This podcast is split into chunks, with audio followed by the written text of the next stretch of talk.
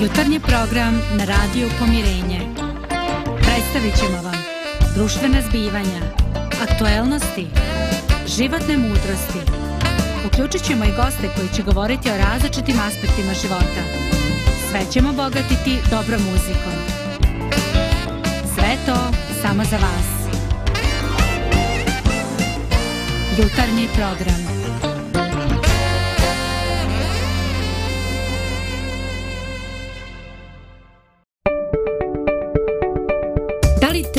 Sreću?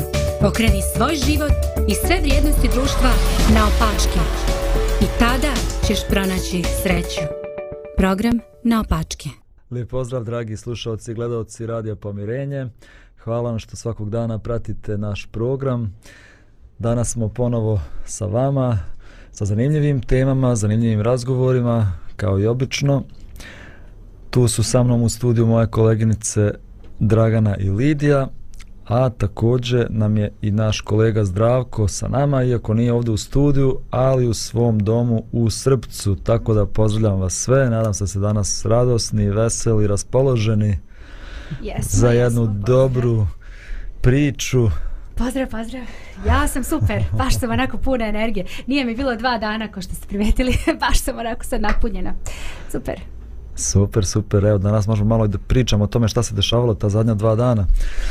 A, dobro, danas ćemo razgovarati o jednom za mene fascinantnom, šokantnom događaju iz Isusovog života, ali prije toga a, u uvodu imam jednu priču koju želim da vam ispričam.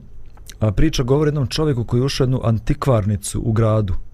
Većina stvari koje su se prodavali u toj antikvarnici bile su obična bižuterija, nije su skoro nikakvu vrijednost. Međutim, na podu je ovaj čovjek ugledao neku posudu koja je izgledala kao neka drevna kineska zdjela. Kad je malo bolje pogledao, shvatio je da je to posuda iz Ming dinastije, čija je vrijednost neprocijenjiva. Bila je vrijednija nego sve ostale stvari zajedno u toj antikvarnici.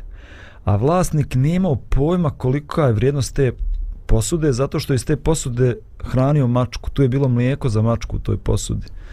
I onda je on smišljao kako da dođe do te posude i onda je smislio dil svog života. Pozvao je tog vlasnika i rekao vaša mačka je baš posebna. Tako bih volio da imam tu mačku.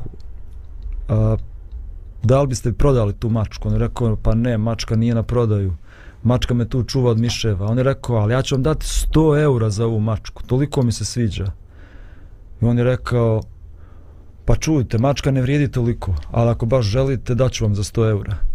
I tako čovjek uzeo mačku, dao vlasniku 100 eura, a onda je rekao, ali treba mi također jedna posuda iz koje može mačka da pije mlijeko. Pa ja daću vam i za ovu posudu još 10 eura, ovu što na podu tu leži.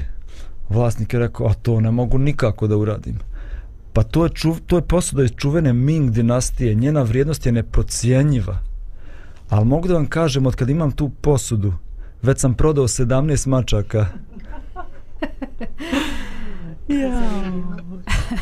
Tako ova šaljiva priča nam govori da mi cijenimo antikvitete, cijenimo neke stare predmete, pa ne moraju biti ni stari predmeti. Jako se iznerviramo kad neki predmet se razbije ili nešto što volimo, auto kad nam se zagrebe. A pitanje je koliko stvarno cijenimo ljudski život. Zašto mi mnogo više cijenimo predmete nego što cijenimo ljude? Ne znam da ste razmišljali o tome. Zato što predmeti nemaju slobodu izbora. Mi ako ih posjedujemo, a, mislim, možemo ih kupiti i šta ja znam, a, možemo i neke osobe da kupimo, onako iskreno rečeno, ali svejedno čovjek ima slobodu izbora, uvijek nam može vratiti na način na koji mi ne volimo, mogu, mogu pobjeći ljudi od nas, tako da, ne znam, možemo više da kontrolišemo predmete nego, nego ljude. To je jedna od tih stvari. Dobro, dobro. Bože, a koliko treba čovjeku da bude star da bi ga počeli ubrajati u antikvatete? Mislim, ne pitam ja rad sebe, pitam rad komšije. Jedan moj rođak ovaj pita, pa... Da. Da, morao bi barem 100, 100 godina da prođeš. U, daleko, daleko, baš ono bez hrabrio, si komšiju, da, ajde, re. Mislio sam, rekao, ono, poraste vrijednost kad te ubroju antikvitet. Da. da. U, uglavnom, eto, zanimljivo je to da razmišljamo o tome. E, zagrebeš auto, razbijete se e, ekran na telefonu, nerviran, žalostan, a kad povridiš nekog komšiju, čovjeka, prijatelja, supruga, dijete, ne sekiraš se uopšte toliko. Prosto je to nevjerovatno da, da nam je više stalo do predmeta, nečeg što ima jako malu vrijednost nego do, do ljudi. Bože, evo sad ću ti ispričati kako bi to žene gledamo. Aha. Ovaj, evo, Dragana će me verovatno razumeti. Znači, kad, kad odeš da ti urade nokte, pa onda se desi slučajno da se sapleteš i onako padneš i padaš na ruku, ali onako, znaš, iskriviš ruku i, i onako bukvalno skoro da polomiš prst i kažeš, u, dobro je, neka sam prst, znaš, samo nek nije nokat. Tako da to ti onako priča iz ženske perspektive. da, da, da. Dobro. Uh, evo, prije nego što prije nego što pročitamo ovaj događaj koji je zapisan u Novom Zavitu, možda samo još da kažemo da zanimljivo je to kad čitamo u Bibliji piše da je čovjek, i to čak piše muškarac i žena, da su stvoreni po Božjem obličju. Šta nam taj podatak, ta činjenica da smo stvoreni po Božjem obličju, govori o ljudskoj vrijednosti? U, to nam govori baš nešto puno. Nažalost, ne vjerujem mnogo ljudi da smo stvoreni po Božjem obličju, da Bog postoji. ali, ali kad stvarno uđeš u tu, u tu misao, onda, onda stvarno se pitaš kako ja mišljenje imam o sebi, kako ja mišljenje imam o drugima. Da li ja vrednujem sebe, da li vrednujem druge i to koliko vrednujem uopšte nas, ljudska bića. Bože, ne znam, meni je to ovako malo nedovršeno po Božjem obliču, to mi više dođe kao neki potencijal, ne, ne kao nešto, ono, razumiješ, znači, ne možeš ti dobiti ovaj, radi toga ovaj, status vaze iz dinastije Ming, ovaj, nego verovatno treba još nešto da se desi da bi se to uvjerlo, ovaj, da bi to po Božjem obliču zasijalo. I kao što Dragara kaže, ovaj, e, stvarno, često se to nedovoljno vidi. Dakle, ako ima, nedovoljno se vidi to Božje obličje u čoveku. Kakvom ga srećemo danas. Makar onako na površini, bez neko da se dublje zagrebe. Da, evo kad već govoriš o posudi, to posuda iz uh, dinastije Ming ima svoju vrijednost čak i ako je prljava, i ako je kaljava, i ako ima blata na sebi, ali ona i dalje je posuda iz dinastije Ming.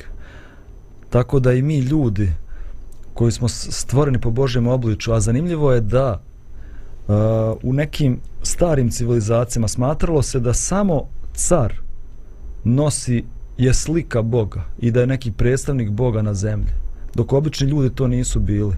A kad otvorimo prve stranice Biblije, onda vidimo da svaki čovjek, svaka žena, svako dijete nosi u sebi lik svoga tvorca, ima ogromnu vrijednost, bez obzira koliko taj lik je deformisan, ali je to ta vrijednost ugrađena u čovjeka, ne može niko da ga da izvadi. Ali dobro, ovo nije, nije danas naša primarna tema o kojoj ćemo razgovarati, ali jeste neki uvod u ovo što ćemo, o čemu ćemo danas pričati. Hajde napravimo jednu malu muzičku pauzu pa ćemo onda da pročitamo tekst iz Evanđelja.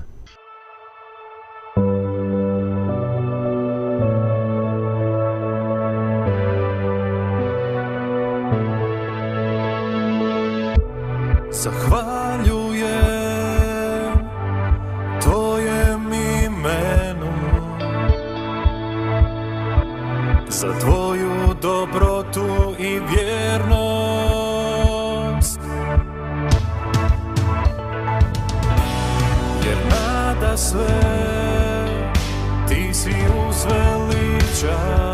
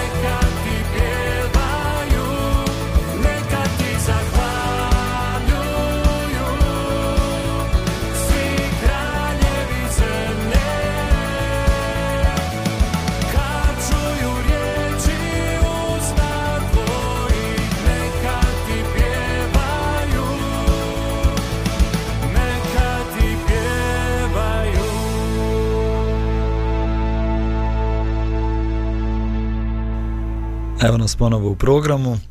Čitamo događaj koji je zapisan u Evanđelju po Luci. Kaže tekst ovako. Jedan farisej pozva Isusa da jede s njim. Pa on ode u njegovu kuću i leže za trpezu. Kada je jedna žena grešnica iz tog grada saznala da Isus za trpezom u farisejevoj kući donese alabasternu posudu mirisne pomasti – pa stojeći za Isusa kod njegovih nogu plačući, poče da mu kvasi noge suzama. Onda ih obrisa svojom kosom, pa mu je ljubila noge i mazala ih pomašću. Kad je to video farisej koji ga je pozvao, reče u sebi, da je ovaj čovjek prorok, znao bi ko je i kakva je ova žena koja ga dotiče, da je grešnica. Simone, reče mu Isus, imam nešto da ti kažem kaži odvrati ovaj. Dvojca su bila dužna jednom zajmodavcu, reče Isus. Jedan je dugovao 500 dinara, a drugi 50. Ali kako nisu imali da vrate, zajmodavac oprosti obojici. Koji od njih će ga više voljeti? Simon odgovori, onaj, mislim, kome je više oprostio. Tačno si prosudio, reče mu Isus. A onda se okrenu prema ženi, pa upita Simona, vidiš li ovu ženu?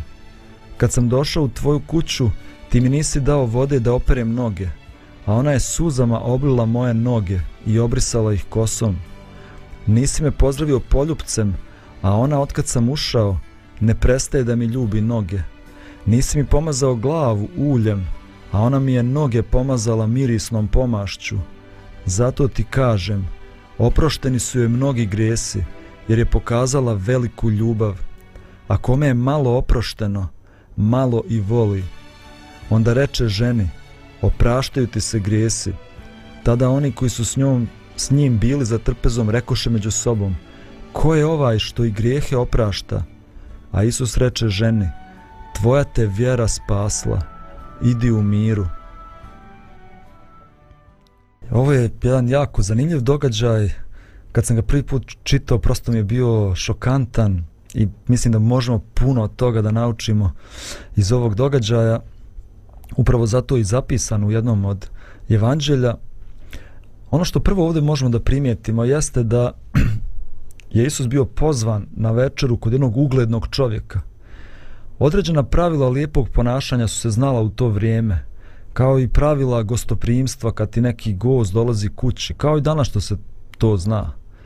A, ne znam, zdravko kod tebe u Srpcu ili, ili ovdje u Banja Luci, koja su pravila lijepog ponašanja kad neki gost dolazi u kuću? Šta radimo kad nam neki posebni gosti dolaze u kuću? Odnos je to standardno, uobičajeno. Ovaj, prvo se ovako smijemo, kezimo se, baš mi je drago što ste došli. Onda jednom rukom pozdravljamo, drugi pu, drugom rukom uzimamo ako ima neka ovaj kest sa, sa nekim pićem i nešto. I onda odmah sljedeća stvar tražimo papuč, eto tako, kada se gost izuje da mu ne uzebu noge. Dakle, ovaj, tu su neka pravila. Ovaj, smiješ se, pokazuješ radost, i tražiš papuč, to je za početak. A kasnije ima toga još. Aha. Trebalo bi reći dakle i poruditi gosta, onako, zavisi zašto je. Kaže, zašto si? Kaže, nisam ni zašto. Kaže, znala sam ja zete kad sam te prvi put vidjela da nisi ni zašto. da, postoje različiti običaj i pravila lijepog ponašanja i gostoprimstva. Ja se sjećam kad sam se oženio, moja supruga iz Srbije, I tako tamo smo došli negdje u neku kuću i onda nam nude slatko. Kao kašika neka u, u medu ili nečem slatkom i čaša vode. Ovaj, meni je to bilo šok, zato što kod nas u Bosni kad neko dođe, pa to je odma večera, ručak, sjedi za sto da jedeš, kod njih je to slatko, jedna kaškica meda i... Ali uglavnom to su neki običaj svaki kraj ima neki svoj običaj. Tako i u ovo staro vrijeme postojali su jasni običaj, jasna pravila lijepog ponašanja kad ti gost dolazi u kuću. Prvi, prvo pravilo bilo je poljubac. I kod nas također, pogotovo kad ti rođaci dolaze, to moraš da poljubiš se negdje dva puta, negdje tri puta, ali poljubac je važan. U to vrijeme poljubac je bio jako važan. Ako je bila osoba jednakog statusa, onda se ljubila u obraz ali ako je neki student, učenik pozdravljao neku stariju osobu, onda je ljubio u ruku tu osobu. Zanimljivo je primijetiti ovdje da Isus dolazi kao jedan ugledni čovjek u kuću ovog Simona, on mu ne daje poljubac. Zatim, pranje nogu je bilo obavezno prije jela. Nije bilo asfalta, putevi su bili prašnjavi, ljudi su hodali ili bosi ili u nekim sandalama i pranje nogu je bilo obavezno ako je gost bio osoba višeg statusa, onda bi domaćin oprao noge toj osobi, ali u najmanju ruku bi samo dao vodu da osoba može da opere svoje noge. Ovdje vidimo Simon i to propušta. Nije oprao Isusov, Isusu noge, niti mu je dao vodu da može da opere svoje noge. I također tamo na istoku su davali gostima maslinovo ulje da se namažu jer su bile velike vrućine. Ovdje vidimo da Simon ni to nije uradio.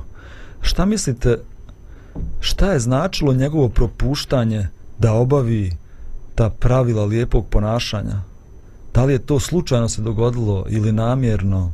Ha, to je dobro pitanje. Jer i mene je to dugo kopkalo, znači, ajde da je zaboravio jednu, pa dvije stvari, nego sve to, toliko ti stvari, znači, i poljubac, i ulje, i pranje nogu, mislim, može se od uzbuđenja, ne znam, ovaj, zaboraviti nešto, ako je on bio toliko uzbuđen, ja, ovaj, ova značajna ličnost dolazi kod mene, wow, i onda stvarno neke stvari ne uradiš, bez obzira koliko ti osoba draga, ili možda nije draga, ali kad si uzbuđen, onda propustiš nešto. Ali, baš da, da sve to zapostaviš, to me onda posle okrenulo na neku drugu stranu. Pitala sam se stvarno da li on to namjerno tako želio da uputi poruku Isusu kao ja sam ovdje gazda, ja sam viši i sad ti vidi kako ćeš sad prema meni. da, da, da. Ovaj, slažem se s Draganom ovaj, i priznajem da je to ovaj, ranije predstavljalo jedno pitanje na koje ja nisam imao zadovoljavajući odgovor i nekako tražeći našao sam jednu pojedinost u ovom izveštaju. A to je, znači, to nije bilo samo dočekivanje Isusa. To je bio društveni sastanak. Znači, kad, e, kad vidim vidimo ovaj komentar, a ostali ovaj koji su bili tu prisutni kaže ko je ovaj da se usuđuje da i grijeh oprašta. Dakle, on je očito sazvao pored Isusa još neke važne ljude, ali je želio da bude politički korektan. Dakle, e, čuvao se jer nije znao kakav će utisak kompletno to dočekivanje ostaviti na neke druge ljude, fariseje, ljude koji su mu bili važni. Tako da čini mi se da on pokušava biti politički korektan i za svaki slučaj e, da mu ne prepišu da mu ne pripišu da je on e, sledbenik više nego što jeste. Dakle, moja neka interpretacija ili sadašnje viđenje, makar viđenje ovoga trenutka, jeste da on u stvari to radi radi drugih gostiju koji su također značajni. Da to nije nešto što što na neki način prihvata ili odbija Isusa. Ali očito da pokazuje da mu je javno mijenje od, od vas do najvažnijeg interesa. Mm -hmm, hvala. U svakom slučaju, ovo je bilo ponižavajuće za Isusa. Kao, na primjer, danas da vam dođu gosti, zvone na vrata, a vi sjedite, gledate TV, niko ne ustaje uopšte. Gost uđe u kuću, vi ne obraćate pažnju, ne pozdravljate. Gost ruča, vi mu kažete, aj samo per svoj tanjir tamo u sudoperu. znači, bilo je to jako ponižavajuće za Isusa i svi koji su to bili su to vidjeli i znali su da je to ponižavanje Isusa. I onda vidimo ovdje Isus ne reaguje uopšte. Pa on je spreman da ga ponize, nema reakcije. Ali onda se dešava zaplet ove priče zato što tu u dvorištu, inače kad su bogati ljudi jeli, oni su jeli tako ili u dvorištu ili im je kuća bila otvorena tako da su svi ostali mogli da dođu do dvorišta i da gledaju unutra, unutar dvorišta ili u kuću. Znači, ne znam nija, kao kad smo na moru, pa tamo kaže, ovo je kuća Milene Dravić ili ne znam nija. Znači, poznate ličnosti su baš imale poseban... Uh, posebno su željeli da budu viđeni u narodu, tako da te njihovi obroci su bili gledani. Ljudi su gledali sa strane kako oni tu jedu. Inače, kako ovdje tekst kaže ka, da su ležali. Oni su ležeći, jeli, znači onako naslonjeni na, na lakat. Da, da, da, tako su jeli. I onda tekst nam kaže da tu u dvorištu se pojavila žena. Svi su znali ko je ova žena. Žena je bila prostitutka. Kako je došla ovdje ne znamo, ali pretpostavljamo da je tog dana već čula Isusa gdje, ne, gdje je govorio. Vjerovatno je nešto dotaklo njeno srce. Primijetila je i doživjela je neku ljubav kod njega. Drugačije sebe počela gledati i pratila ga je. I onda dolazi tu sa tim mnoštvom ljudi do granice, naravno nju nikad ne bi ni za hiljadu godina pozvali na tu večeru, ali ona stoji tamo u dvorištu i posmatra to sve i vidi kako Isus javno ponižen, vidi kako nije dobio poljubac, vidi kako nije dobio e, vodu da opere noge, vidi kako nisu mu pomazali glavu maslinovim uljem. I ona kipi iznutra i ne može da podnese da Isus tako javno ponižen i odlučuje da nešto uradi. I mimo svih pravila i normi ona preskače tu ogradu i prilazi tim uglednim ljudima.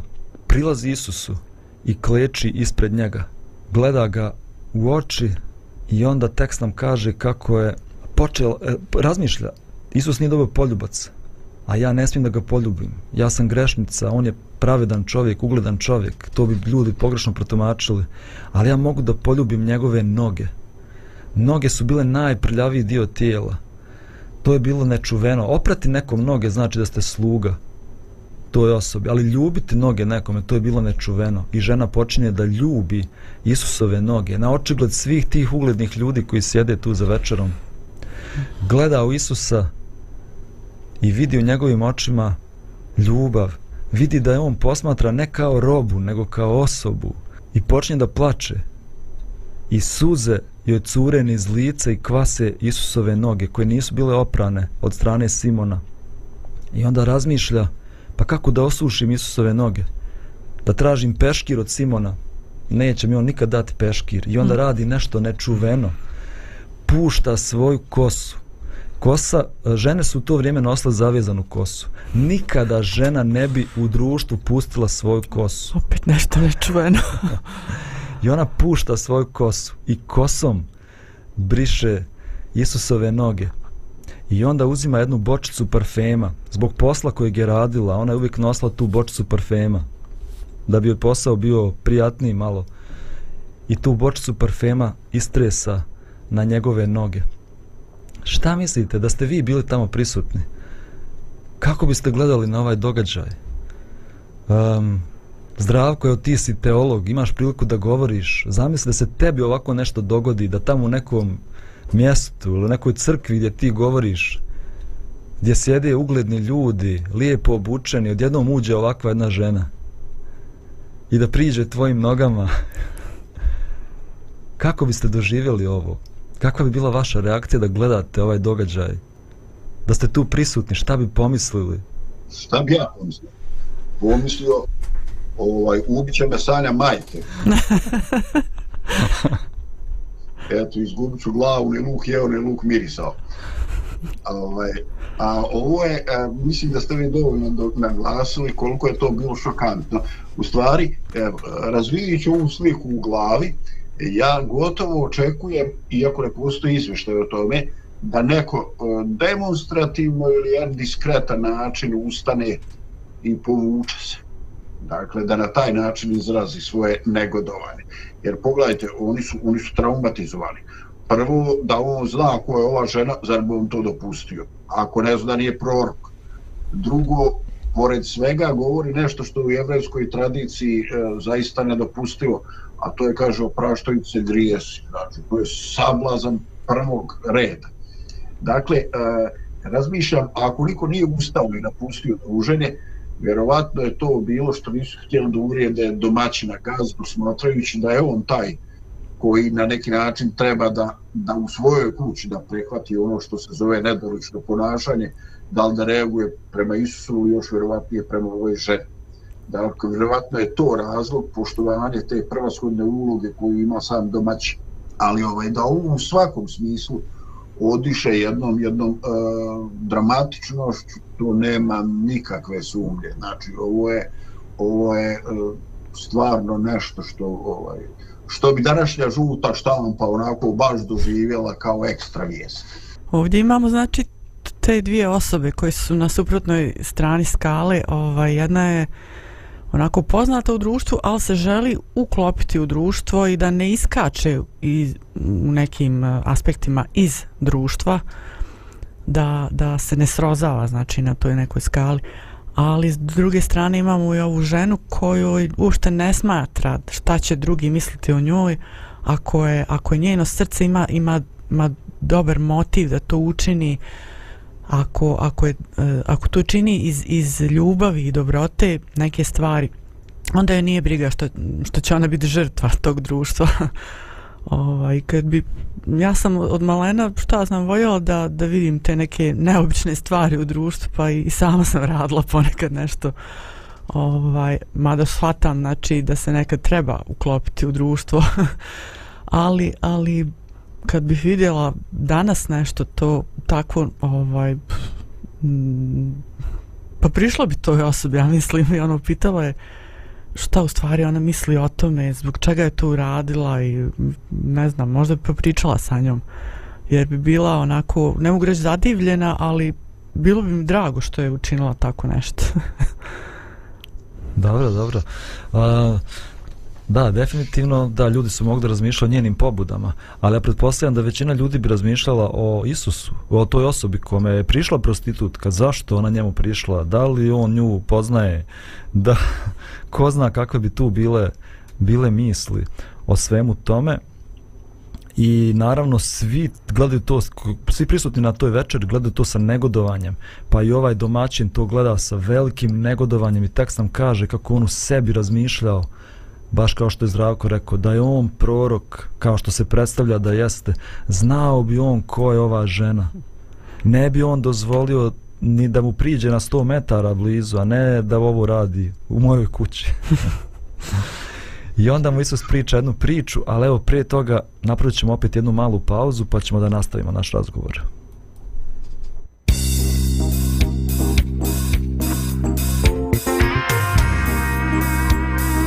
Radio Pomirenje.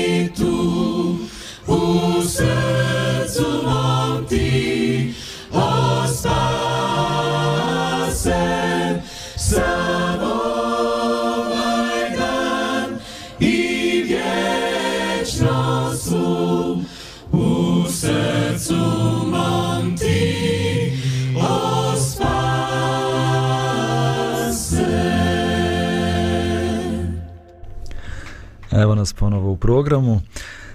Pre nego što pređemo na nastavimo ovu našu zanimljivu diskusiju i priču o ovom događaju, šokantnom događaju, danas ćemo ispričati opet dobre vijesti. Dobre vijesti kojima smo prisustovali Lidija i ja. Zato nas i nije bilo prethodnih dana u emisiji jer smo bili sa grupom od nas 12 u Bihaću. Nas 12 iz različitih gradova Bosne i Hercegovine smo otišli tamo da pomognemo našoj prijateljici Maji da u Bihaću pokrene klub zdravlja. Tako da smo u ponedeljak imali jedan veliki bazar zdravlja. Evo Lidija, možda možeš i ti da nešto ispričaš, pošto si ti baš učestvovala direktno na tom bazaru. Da, bazar zdravlja je nešto stvarno jako uh, dobro i verujem korisno za sve uh, građane tog grada. Znači, uh, tada radimo različite merenja, uh, pritisak, Uh, spirometriju, uh, šećer u krvi, holesterol uh, i različite druge, druge um, E, nalaze i e, na kraju imamo doktora koji to sve pregleda i e, kaže vam eto rezultate svega toga jednog malog istraživanja i što je najvažnije sve je besplatno. Tako da mi onako od srca želimo da pomognemo građanima tog mesta. Eto to smo radili i u Bihaću. Jeste, to je bio bazar zdravlja, a onda smo naveče imali i predavanje u muzeju gradskom, baš onako zanimljiva jedna sala, tamo stoje glave svih poznatih komunističkih vođa i naša željana koja je držala predavanje tako je baš imala sta, ona je tako niže rasta pa je njena glava baš došla pored svih tih glava Da. Ovaj, ona je držala predavanje u ponedeljak o hrani koja liječi i hrani koja donosi bolest. Tako da smo i utorak također imali još jedno predavanje i nekih 30 ljudi iz Bihaća je prisustovalo ovim predavanjima, bili su baš oduševljeni, dali su svoje kontakte, željeli su da i oni budu dio tog kluba zdravlja u Bihaću. Također se tu pojavile dve žene koje su zdravstveni radnici, koje hoće da budu, da pomognu organizaciji svega toga, tako da je Maja dobila i svoj tim sa kojim će moći da radi u Bihaću. Eto, bilo je baš, baš dobro i nama. Mi smo u, u, juče, pre, prekriče smo išli na izlet. Štrbački buk. Jes, Štrbački Da, da, buk, da. baš jedan prelijep vodopad, slab. O, nije bio stvarno od srca preporučujem, a ti Bože i ja. 24 metra velik vodopad ili slab na Uni. Dobro, eto, to su, to su naše dobre vijesti iz Bihaća ovog puta. Dobro, vraćamo se na ovaj naš događaj, šokantan događaj, svi gledaju scenu, niko ne zna šta se dešava, ovaj domaćin u sebi gunđa, o, da je Isus prorok, ko što je rekao, ne bi on dozvolio ovoj ženi da mu priđe, znao bi on ko je ova žena. A Isus zna šta on misli i priča mu priču. I kaže kako su bila dva dužnika. Možemo da to pretvorimo u naše novce danas da kažemo. Jedan je dugovo 50.000 maraka, a drugi je dugovo 500 maraka. I ni jedan ni drugi nisu mogli da vrate taj dug. I kad je došlo vrijeme da se vrati taj dug nekoj mikrokreditnoj organizaciji, oni su ih pozvali i onda su im rekli opraštaju se dugovi. Ni jedan ni drugi ne morate da platite. I onda on pita Simona, Simone, šta misliš, ko će imati više zahvalnosti? Ko će imati više ljubavi prema tom direktoru te firme? Veliki dug ili mali dug? I Simon vidi da je pritjeran uz čošak i onda kaže, pa mislim, mislim veliki dug. Šta mislite šta je- Dužnik. veliki dužnik, dobro. Šta mislite šta je Isus želio da kaže ovom pričom? Šta nas uči ova priča?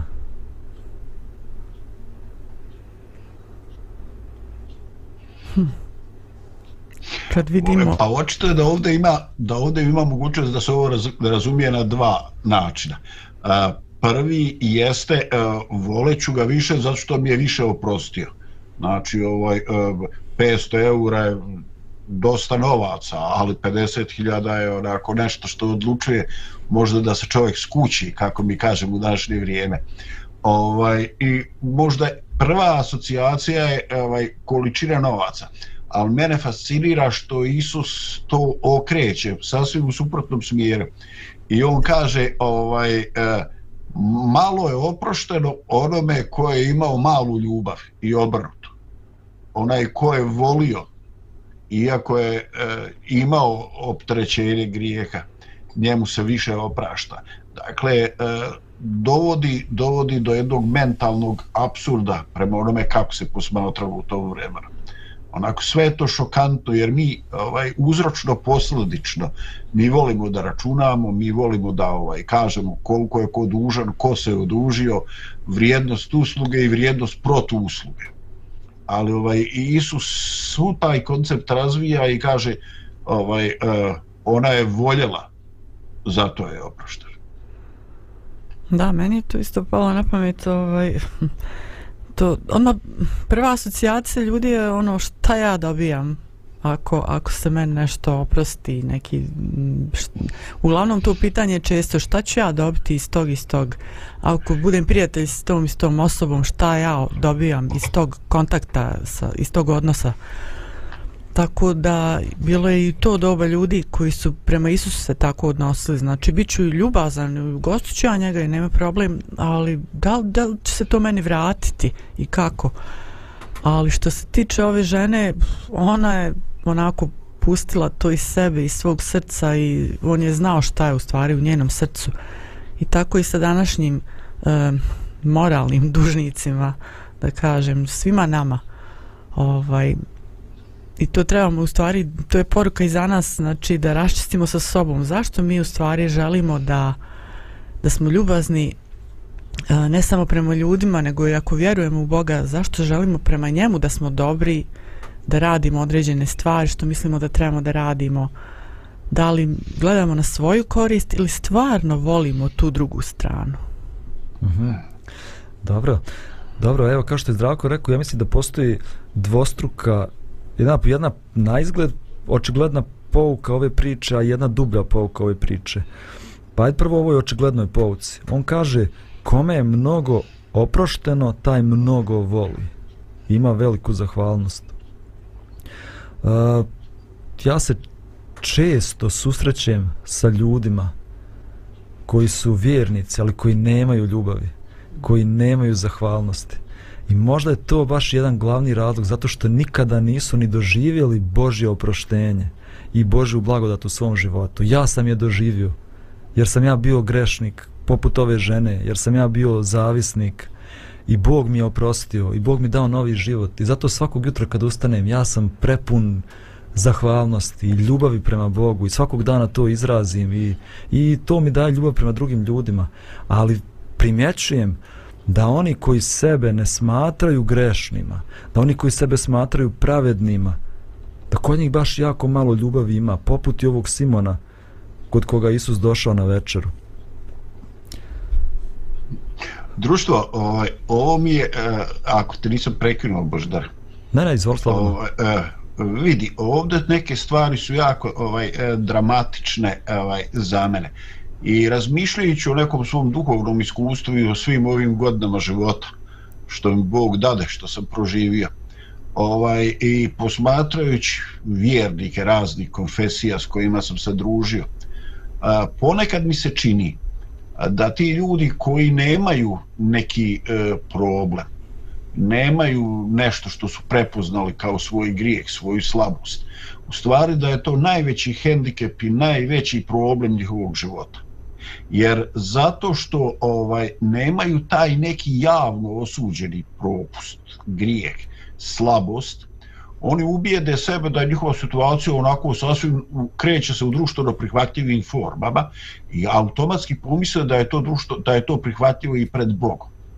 E, čini mi se da je glavni problem tih ljudi što se oni ovaj, nikada ne susretnu da je u stvari naće bić o, u, u svome egu suprostavljeno Bogu, da ne ostavlja pro, prostora za njegovu blagodat. Ne ostaje, nije dovoljno zahvalno, jer misli da ovaj mu nešto veliko nije ni oprašteno. Ovaj, I e, ponekad, ponekad mi se čini ovaj, da su ljudi koji su na neki način eh, izgubili samo poštovanje, da oni imaju veće šanse eh, za pravo pokajanje i za pravu blagodat nego ljudi koji su eh, kroz neku ljudsku poslušnost, kroz neki eh, život podvrgnut normama društvenim i tako, u stvari smatraju da ništa katastrofalno u životu nisu radili, da nikad nikome ništa nije oteo, nikad nije pucao na čovjeka, nikad nije nešto tako strašno i onda ne vidi da je ljudsko biće u suštini pobunjeno da se one ovaj da ono ima ogromni problem. I evo reću nešto malo jeretički, makar tako izgleda. Nekad je potrebno i blagoslov za čovjeka da padne i da izgubi samo dostojanstvo da bi iz toga vidio koliko je Bog veliki. Hvala ti, mm, hvala ti. To je super, to nije ušte eretički, to, to je lekcija za nas.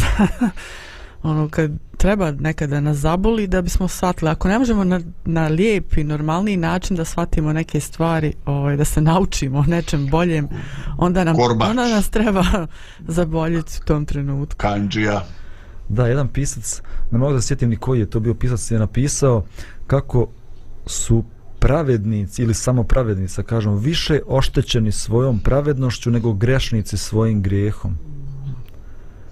A to je upravo ovo o čemu govorimo svaki događaj u Novom Zavetu kad čitamo imamo susret tu grešnika i pravednika tako da kažemo. U svakom od tih susreta grešnik je svjestan svog stanja.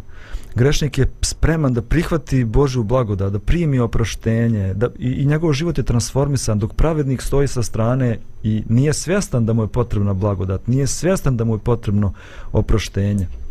I ovdje Isus i govori ako si doživio oproštenje ako si doživio Božju blagodat onda ćeš da i ti voliš i da ti imaš zahvalnost u svom životu. Ako nisi to doživio, neće ti biti sposoban da voliš.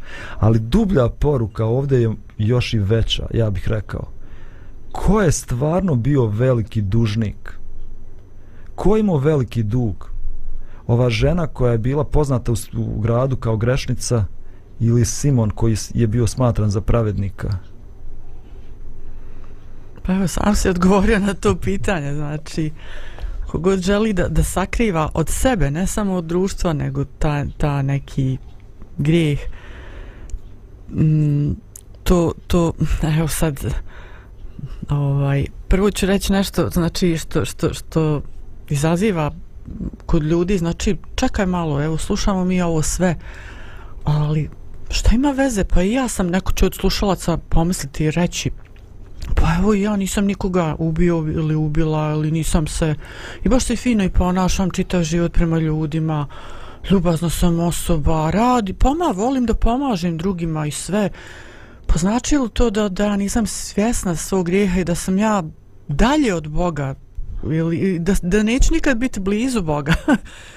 Ali nije to u tome nego u svakom od nas bez obzira kakve grijehe činimo jeste u stvari ta srž jeste taj potencijal za grijeh za grijehom i ovaj i, i činjenica je da niko od nas nije zaslužio tu Božju milost. Jednostavno on nas voli zato što što nas voli eto.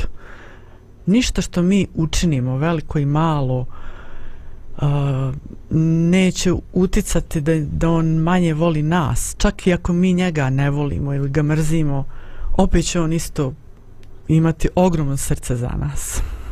Hvala ti, hvala ti. Ove... A Dragana, izvini, to je kao ona izraz sine boj, voli me takav kakav jesi. Jer ako budeš čekao da budeš savršen, nećeš me nikada voljeti. Da, Dragana je spomenula da mi često ne vidimo koji je naš grijeh. Mi nismo ubice, nismo alkoholičari. Ali malo o tome da govorimo. Jedan grijeh je prljao ovu sobu. Ali to nije bio grijeh na koji je Simon mislio. To je grijeh usana koje ne žele da poljube, koljena koje ne žele da se saviju, očiju koje ne žele da plaču, ruku koje ne žele da služe, parfema koji nikada ne napusti bocu. To je grijeh srca koje ne želi da se slomi, života koji ne želi da se promijeni, duše koja ne želi da voli. To sam negdje pročitao ovako fino, sročeno. Mm. Najveća zapovijest u Bibliji je zapovijest ljubavi.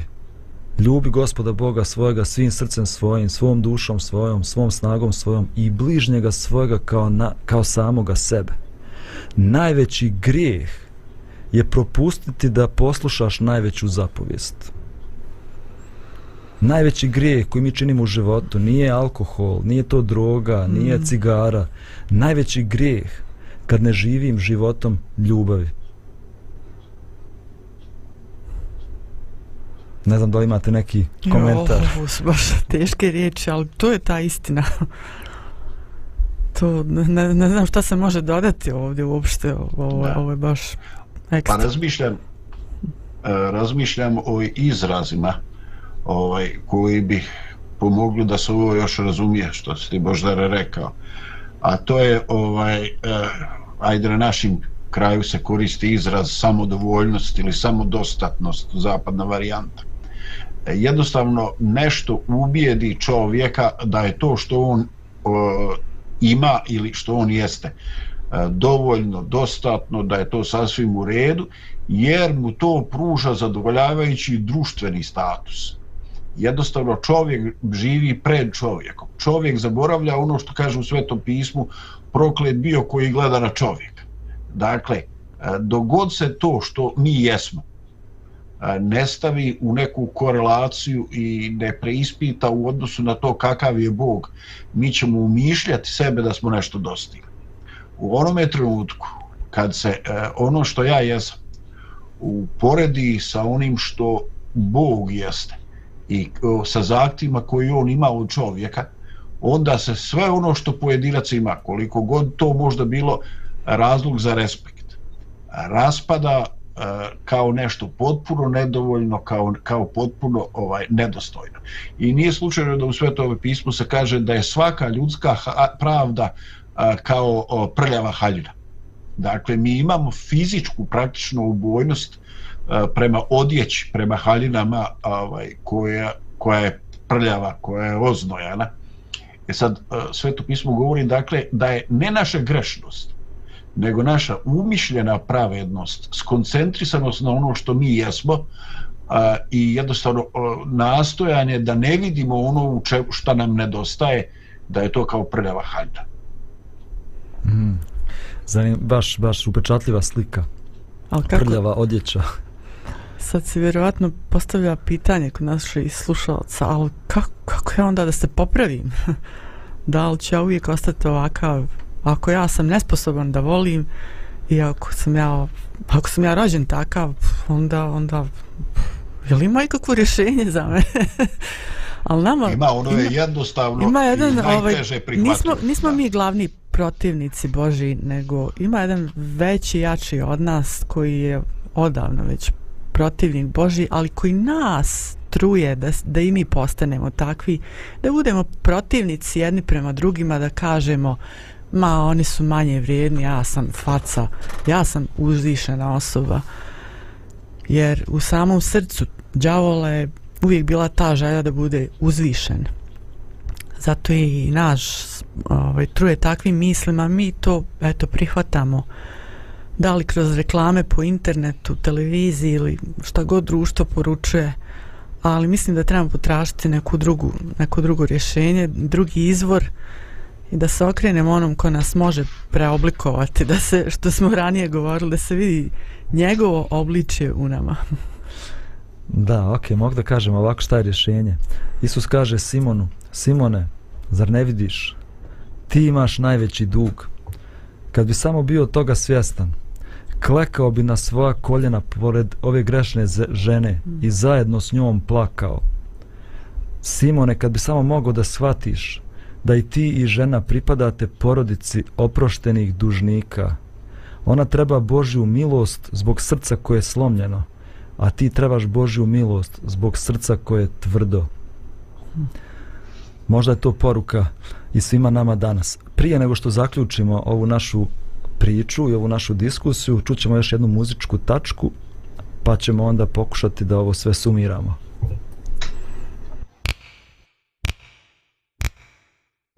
Radio, radio pomirenje.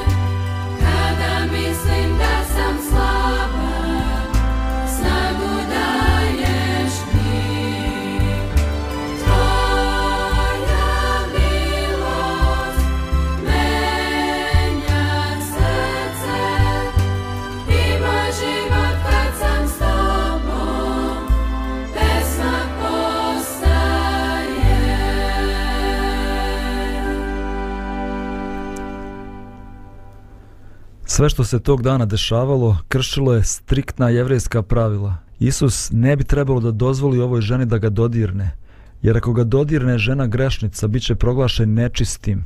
Njegova reputacija i njegov ugled je upravo narušen. Ljudi će ga ogovarati, ljudi će mu se rugati, ali on ne mari. Ne samo da ne mari, već on želi to da uradi za nju. To ga ispunjava radošću.